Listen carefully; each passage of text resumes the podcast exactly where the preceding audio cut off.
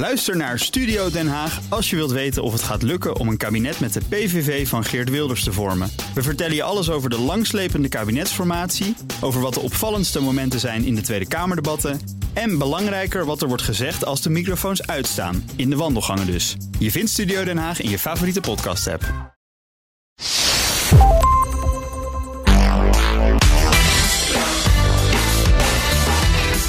Hollen van vergadering naar vergadering.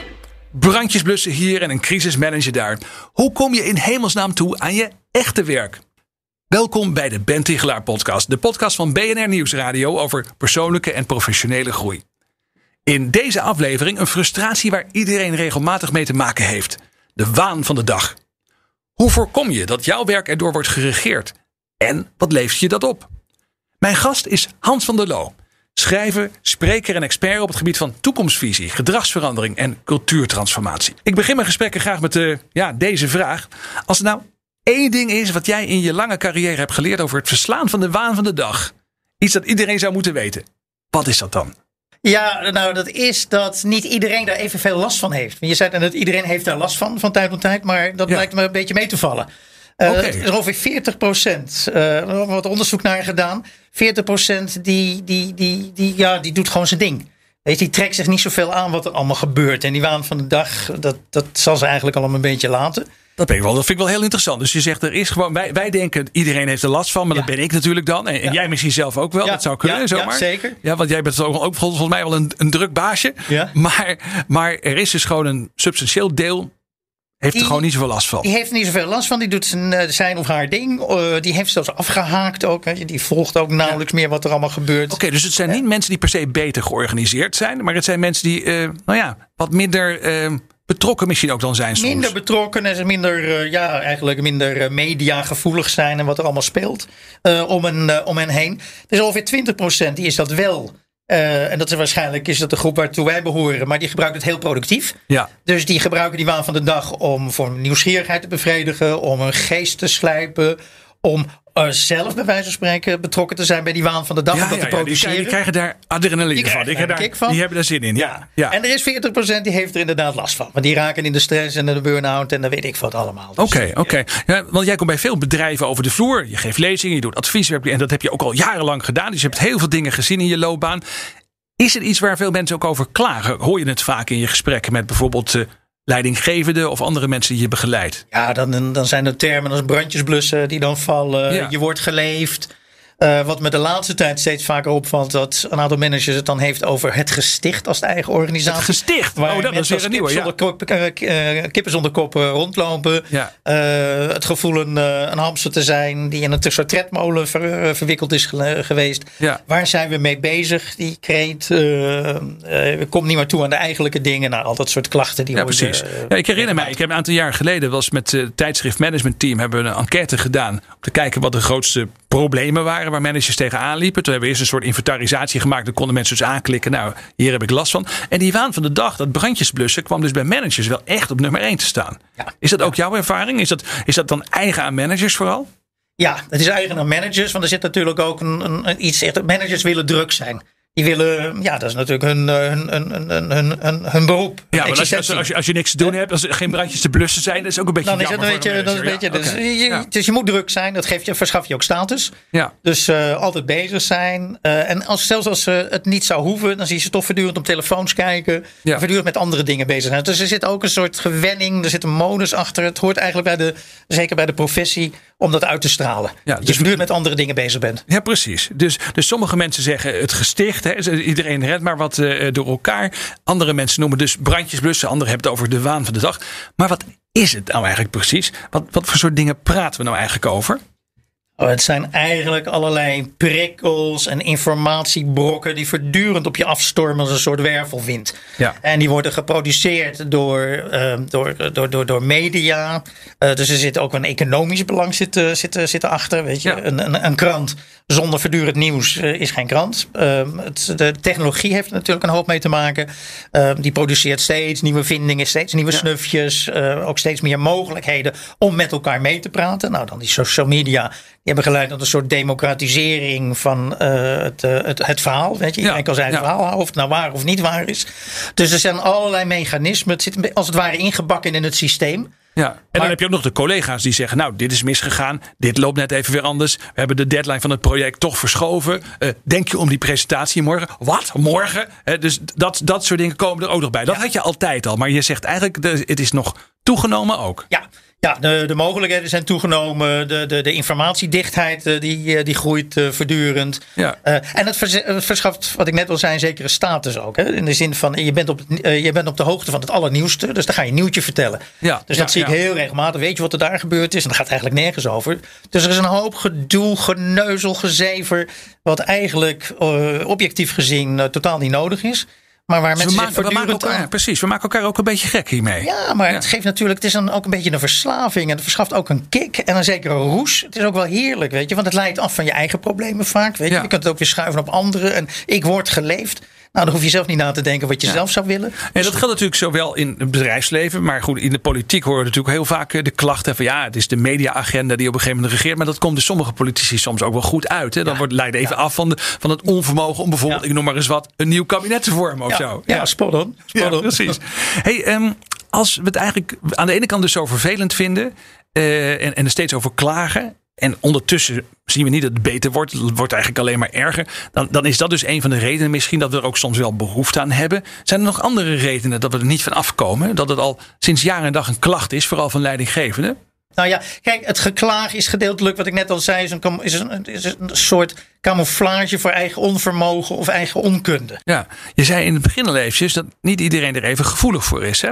Dus jij hebt blijkbaar ook eh, de mogelijkheid om jezelf een beetje af te sluiten voor de rest en je daar niet door te laten leiden.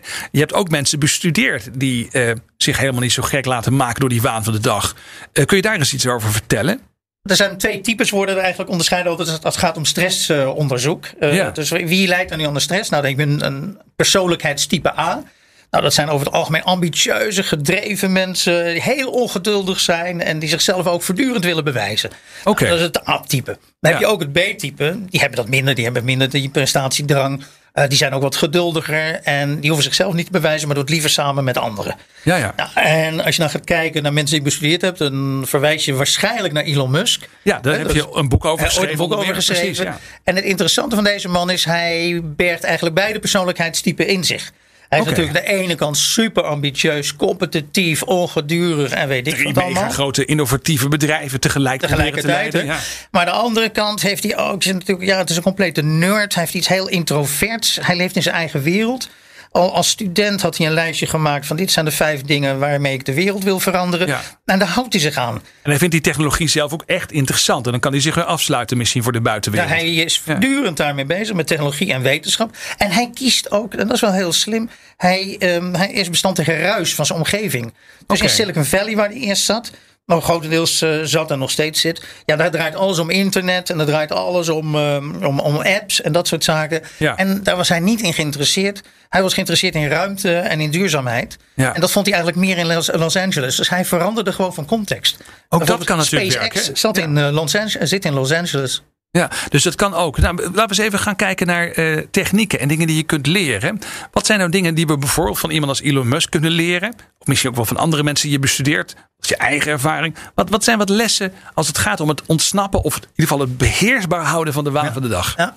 Eh, minder reactief en eh, meer actief of proactief heet dan zo'n mooi woord. Ja. Dus zelf bepalen wat vind ik belangrijk, waar wil ik me manifesteren en je minder laten gelegen wat, wat er nu op dit moment geschreven of gezegd wordt. Zal ik even een beetje afpellen, die Want dat zijn zo van die managementwoorden die we heel vaak horen. Hè? Dus je, er staat zelfs letterlijk in heel veel van die businessplannen die ik zie, of van die values die mensen dan binnen bedrijven ontwikkelen. Dan zeggen ze, we- willen van reactief naar proactief. Ja. En dan vraag je wel eens aan mensen, oké, nou hoe ziet dat er dan uit? Wat doen mensen dan? En dan komt er geen antwoord. Hè? Dat vinden mensen. Dus wat is het? Wat is, wat is reactief en wat is proactief? Reactief is, er is een prikkel, wat het is. Iemand zegt wat en Ja. meteen is het wam, bij wijze van spreken, schiet je daarop in. Ja. Het is dus geen, eigenlijk geen, nauwelijks tijd om er dus naar te denken. En dan gaat een ander weer daaroverheen. En voor je het weet is de hele meute die is daarover Geen denkpauze, niet even Geen stilstaan van is het wel de moeite waard? Niet even afstand. Ja. Dus dat die niet even de afstand bewaren. Het was voortdurend in de heigerigheid zitten.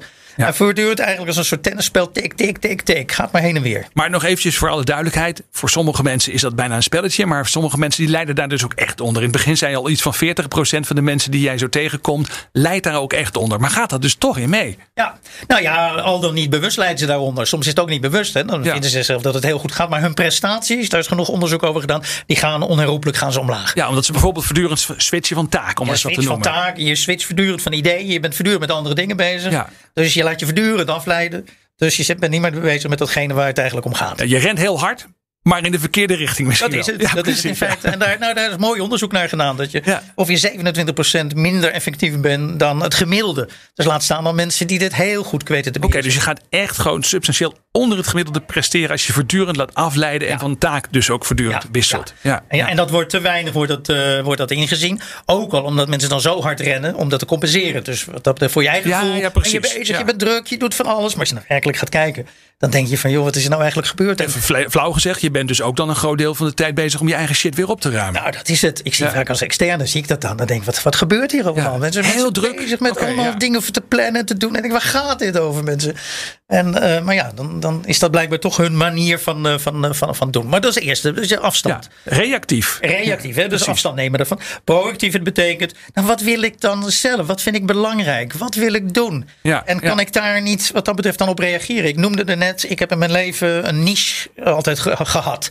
Waar ik eh, mee bezig was. En dat was Ja. vroeger toekomstonderzoek. En dan was ik daarmee bezig. En de rest interesseerde me eigenlijk allemaal niet zo. Ja. Weet je? En eh, dus dat is dan, ja, dan kan je ook wat dat betreft, als je dat eenmaal hebt, kan je daar heel goed op eh, anticiperen. Ja, Dus dan, eh, een niche, maar tegelijkertijd dus blijkbaar ook, ja, misschien is dat een soort, soort synoniem, hè? een hele duidelijke focus. Van dit hoort erbij Ja. En dat hoort er niet bij. Ja. Hier ben ik verantwoordelijk voor en die andere dingen zijn minder belangrijk. En die be- bezie ze ook, weet je, hoor ze wel aan, maar bezie ze ook met enige distantie. Daar kan je ook nog een functie in eh, vervullen. Heel veel mensen te zeggen, jongens, waar gaat het eigenlijk over? En dan zie je dat op een gegeven moment kijkt iedereen een beetje verschrikt op. Ja. En dat wil soms nog wel eens lukken. Dus je kan er ook nog een rol in eh, spelen. Deed je dat bewust? Heb jij zeg maar, ging je dan ieder jaar of misschien wel ieder half jaar zitten en zei van oké, Hans van der Loo, wat zijn je prioriteiten? Dit staat op één en de rest is minder belangrijk. Deed je dat echt gestructureerd of heeft het meer met jouw persoonlijkheid te maken? Het heeft veel met persoonlijkheid te maken. Ook met eh, opvoeding. Ik kom uit Luxemburg. Ben opgegroeid in een Franstalig systeem. Toch een beetje de Franse slag. Ja. Die je soms hebt. Hè? Want eh, niet alles is even serieus. Ook een zekere zelfrelativering. Van der Loo klinkt trouwens niet heel erg Nee, Luxemburgs mijn of ouders Frans. waren Nederlanders. Ik kwam uit. Den Haag. En, eh, maar ik zat op een internationale school. Ja. Die gedomineerd werd door het Franse systeem. Dus wat dat betreft. Ja, je dan. En er waren maar weinig Nederlanders in Luxemburg. Dus je En daar altijd- leer je iets meer een, laten we zeggen, laissez-faire houding? het was een laissez-faire houding. Die heel wel, dat, is, dat zat wel, eh, wel in me. Maar aan de andere kant zat ook wel een soort ambitie zat in me. Maar toch echt een ambitie in termen van eh, nou, elk kwartaal eigenlijk iets, iets, iets anders gaan doen. En dat, dat heb ik in het Ja. begin niet zo bewust gedaan.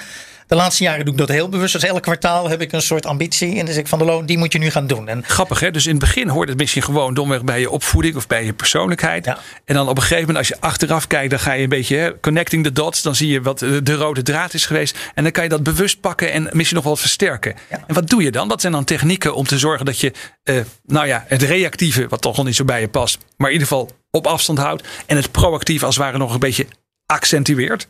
Nou ja, de eerste de, de, de, essentie daarvan pakken en je daar dan ook aan houden. Dus het vergt wel een zekere zelfdiscipline. Voortdurend tegen jezelf zeggen, nou, dit is belangrijk, dit gaan we doen. Ja. Nou, voor mezelf helpt altijd een soort scorebordje bijhouden. Van hoe ver ben ik er dan in en doe ik het dan ook wel echt. Ja. Maar voortdurend ook dat beeld visualiseren, dat is ook zoiets. Dus voortdurend inbeelden, hoe zou het zijn als dat, dat nou zou zijn gebeurd? Als ik wat dat betreft erin zou slagen. En dat klinkt altijd moeilijk, dat visualiseren. Maar dat is een fantastisch filmpje vind ik altijd van, eh, van Hans Lebbes. Als het gaat over een perfect terrasje.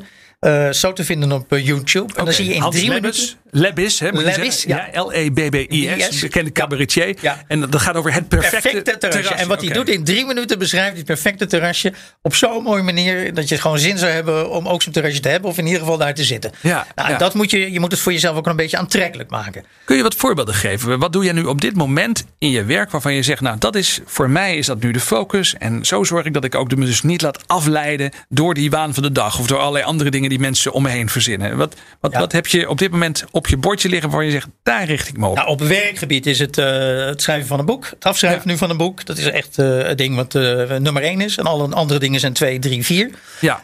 op persoonlijk vlak is het op dit moment fitness. Ik ben bezig met crossfit. Dus ik doe elke Ja. drie maanden. Dan de ene maand is het geen alcohol meer drinken. De, de andere maand is er geen suiker in mijn koffie. De derde maand is het dit en dan is dat. En dit is nu fitness. Want ik begon te merken, nou, mijn, mijn jaren beginnen te tellen.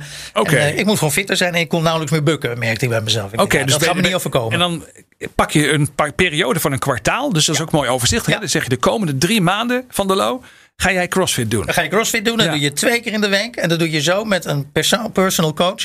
Het kost dan wel even wat. Maar eh, die, die, die, die mat je ook zo af. Ja. En die wijs je op al je tekortkomingen. Dus dan is er ook geen groep meer.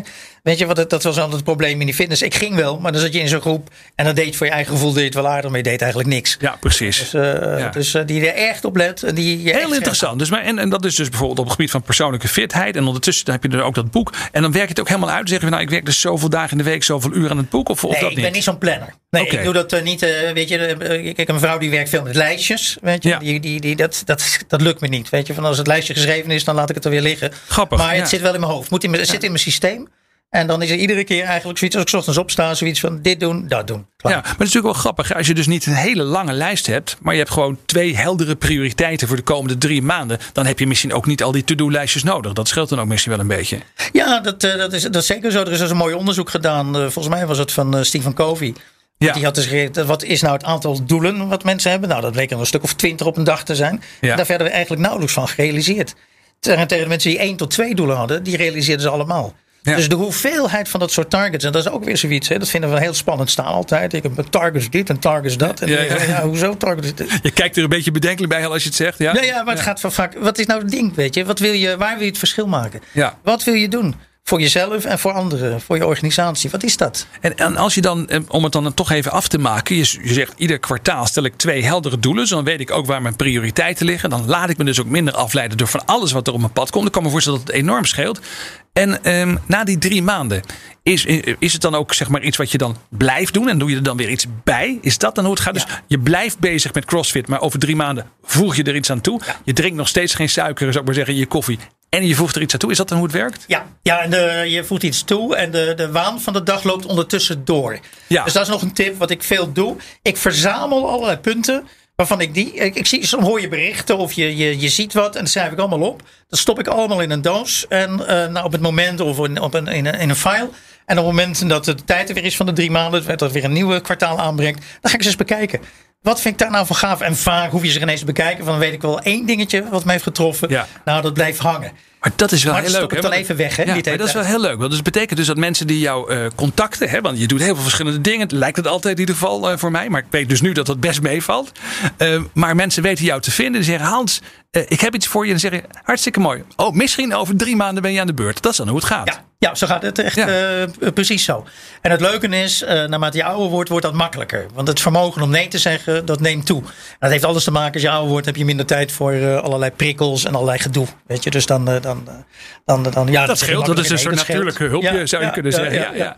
Eh, we hebben net een paar opties besproken, dingen die je kunt doen. En eigenlijk wel het mooiste is hoe je zelf beschrijft dat je eens per kwartaal eigenlijk nieuwe doelen stelt. Soms nieuwe doelen toevoegt. Maar tussendoor eigenlijk, eh, nou ja, de doelen zo lang parkeert. Hè, die stop je zo lang weg. Ja. Eh, aan de andere kant, ja, als je binnen een bedrijf werkt, dan heb je toch vaak collega's die je nek zitten dijgen. Zeggen, joh, over drie maanden, dit moet over drie dagen af. Wat? Dit moet over drie uur moet het klaar zijn. Hoe ga je daar dan mee om? Maar dat betekent dus ook wel dat je soms ja, eh, geen vrienden maakt, zal ik maar zeggen. Nee, nou ja, laat je niet te veel opjagen, zou ik zeggen. En als het gaat om jagen, zorg dat je zelf een jager wordt. Dus dat is ook nog wel iets. Hè? Dat, eh, die waan van de dag, die kan je eigenlijk het best tackelen. En dat is misschien kunnen we ook wel leren van Elon Musk.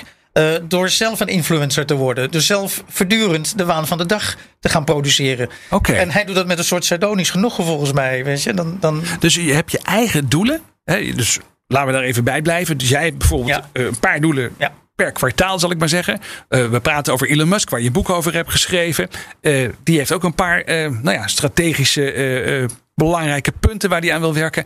En dan ga je zeg maar zoveel druk eigenlijk rond die punten, rond jouw prioriteit creëren. Dat andere mensen helemaal niet meer gaan toekomen om jou te onderbreken. Dat is misschien de Ja, truc dat, dan. dat is inderdaad ook een truc. En sterker nog, dat je andere mensen, die gaan jou bevestigen in je keuzes die je gemaakt hebt. Ja, Die zeggen, oh, dat vind ik ook belangrijk. En die ken je helemaal niet. En dat is het leuke van social media. Dat je dan allemaal mensen in contact komen die toevallig op dat terrein ook het heel belangrijk vinden. Dus het is niet genoeg om voor jezelf een rijtje met prioriteiten te hebben. Je moet het ook eigenlijk klip en klaar communiceren aan de mensen om je heen. Dat mensen weten van dit zijn de prioriteiten waar Hans van der Loo of waar Ben Tigelaar of nou, hoe je ook heet als luisteren. Daar werk je dus nu aan. Zorg dat je zelf de waan van de dag produceert. Ja, zorg dat je zelf de waan van de dag, van de dag produceert. Hey, je hebt bij allerlei grote bedrijven gewerkt voordat je zelfstandig werkt. Onder meer bij de universiteit heb je gedoseerd. Je hebt bij KPN gewerkt. Hoe, hoe was dat daar? Je zegt, ik koos daar mijn eigen niche. Maar observeerde je ook dat mensen dus wel op een gegeven moment stuk liepen op die drukte en, en, en al die informatiebombardementen waar je dagelijks mee wordt geconfronteerd? Ja, dat zag je voortdurend zag je dat om je heen gebeuren. Nou ja, wat ik zelf zei, zelf zat ik daar wat minder in. Ik had dan altijd thema's gekozen die wat, wat tijdlozer waren. Ja. Of het meer op lange termijn speelden. Maar ik zou zeggen, al die operationele managers die gewoon eh, op de korte termijn eh, moesten eh, sprinten en pre- eh, presteren, die waren er voortdurend waren ze daarmee bezig. Dus dat zag ik Ja. gebeuren. Dus dat, eh, ja, Wat, dat- wat zou je tegen die willen zeggen? Dus ik heb nu jouw verhaal behoord, eh, beluisterd over hoe, je dat zelf aanpakt. En ik denk, nou ja, dat is wel handig, dat is duidelijk. Maar nou, nou werk ik in zo'n bedrijf als KPN, wat je ook van binnen kent. Of nou ja, wat voor ander bedrijf dan ook waar collega's me lastig vallen. We hebben het al even over gehad. Je kunt ook je eigen prioriteiten duidelijk communiceren. Hè. Dan creëer je zelf de waan de dag. Maar ik luister hiernaar en denk, ja, maar joh, ik ben gewoon eh, teamleider bij de Belastingdienst. Hè. En eh, ja, voor, ik, ik kan mijn eigen prioriteiten helemaal niet stellen. Die worden voor mij gesteld. Hoe werkt het dan? Kan je er dan aan ontsnappen of ben je dan gewoon gedoemd? Nee, je kan er wel degelijk aan ontsnappen. De belangrijkste vraag is altijd welk verschil kan ik maken, welk verschil wil ik maken binnen de kaders die gesteld zijn. Dus welk verschil kan ik maken? Welk verschil wil ik maken? En daar zit altijd toch een element van keuze zit er ook. En dan ga je vervolgens afvragen, is de manier waarop ik nu werk, is dat de meest effectieve manier? Ja. En praat zou ik dan zeggen ook eens met een paar jonge mensen. Die net in een organisatie zijn komen werken. Die vaak met grote ogen staan te kijken. Wat is dit allemaal voor idiotie? Ja. Wat gebeurt hier allemaal? Ja, dat herinner ik mij nog wel van het begin van mijn loopbaan. Dat je de eerste paar weken dat je ergens werkt. Maar dat geldt trouwens ook als je een overstap maakt. Als je ergens vers bent, dan kijk je om je heen en denk je, ja, dat kan toch veel beter. En het gekke is, dat duurt maar een paar weken. Dan heb je je al aangepast. Dan ben je al geassimileerd. ja, ja, Ja. nee, dat is zo. Dat dus dat is ook een tip. Praat met mensen die nieuw in de die organisatie nieuw in de zijn. organisatie. En nogmaals, let voortdurend. Vraag je, stel je de vraag: is dit het meest effectieve? Ja. En van vaak denk ik, alle- alle- hoe vergaderingen, hoe lang dat vaak duurt. En zo dat je, denkt, terwijl, eh, terwijl je eigenlijk denkt, nou, dit had in vijf minuten afgehandeld kunnen worden. Ja. Had je 55 minuten over gehad om iets Dus anders te doen. moet, je, moet je dat per dag doen of per week? Hoe doe je dat zelf? Ik bedoel dat je, dat je gewoon kritisch reflecteert op stop ik nou mijn tijd in die zaken die ook werkelijk die tijd verdienen. Nou, dat is niet, ik wou niet zeggen per dag, maar dat zou wel het beste zijn. Maar het is een continu proces. Dus daar ben je wel voortdurend mee bezig. Ja. Is dit het meest slimmere geweest wat ik had kunnen doen? Had ik mijn Ja. tijd niet beter kunnen? Dus Goed, dan, moet je, eigenlijk, dan moet je wel plannen, die, die, die reflectiemomenten. ja, maar dat zijn de momentjes in je auto. Dat kunnen soms vijf minuten zijn. Ja. En ook daar weer, doe het met een ander. Ja. Eh, dus dan bel ik iemand en zeg: joh, nou, dit en dit is me overkomen. Eh, had ik dat anders kunnen doen? En dan Ja. heb je er vijf, zes minuten over. En dan kom je op totaal nieuwe ideeën. Je hoeft dat niet allemaal zelf uit te vinden. Ja, dus een paar mensen om je heen met wie je ook dus kunt reflecteren op dit soort zaken. Dat is natuurlijk het maf. Hè? We doen uiteindelijk vaak als leidinggevende of als professional zijn we, of ondernemer zijn we ontzettend hard aan het werk. En het reflecteren op of we nou wel bezig zijn met de goede dingen, of de juiste dingen doen, of inderdaad in die goede richting aan het rennen zijn de hele dag. Daar nemen we eigenlijk maar heel weinig de tijd voor. Tenminste, dat valt mij Ja, op. dat is krankzinnig. Nou ja, op dit moment een boek over teams. En we hebben heel veel sportcoaches gesproken. Ja. Ja. die zijn totaal verbaasd. Ze Ja. bedrijven over het algemeen. Joh, er wordt nauwelijks getraind, er wordt niet geoefend, er wordt niet gereflecteerd. Men dendert maar door. Ja, dat is eigenlijk, dus je bent eigenlijk alleen maar de hele wedstrijd aan het spelen. Terwijl in de sportwereld ben je aan het oefenen. Ja, oefenen, oefenen, oefenen. Dan komt de wedstrijd en dan heb je een nabespreking. En daar leer je er dus van. Ja. Maar debriefing en al dat soort zaken. In het leger trouwens. hè, Dus in gewoon organisaties kan dat ook. Heel gebruikelijk om dat te doen. Eh, en nou, het vreemde is. eh, je zou denken nu met Scrum en Agile. Dat soort technieken. Die hebben dan allemaal die stand-ups. Maar wat je dan een hoop organisaties ziet doen. Dat ze wel s ochtends gaan vertellen aan elkaar wat ze gaan doen.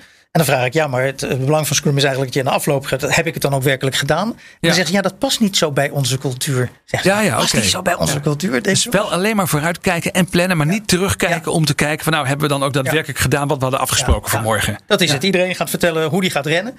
Maar wat het heeft opgeleverd, dat wordt vervolgens niet met elkaar besproken. Dat Ja. is zo en, jammer. En dat zijn dus allemaal manieren om die waan van de dag een beetje in de, in de greep te krijgen. Zeker, ja, ja. Mooi. Zeg bedankt Hans van der Loo, schrijver, spreker en expert op het gebied van toekomstvisie, gedragsverandering, cultuurtransformatie. Je hebt veel dingen gedaan. Fijn dat je er was. Leuk, het ook hartstikke gaaf. Dank je. Dit was de Ben Tichelaar podcast bij BNR. Vind je deze podcast interessant en wil je één keer per maand de beste tips uit mijn gesprekken en columns ontvangen? Ga dan naar tichelaar.nl/slash BNR en laat je mailadres even achter. Dankjewel voor het luisteren en tot snel.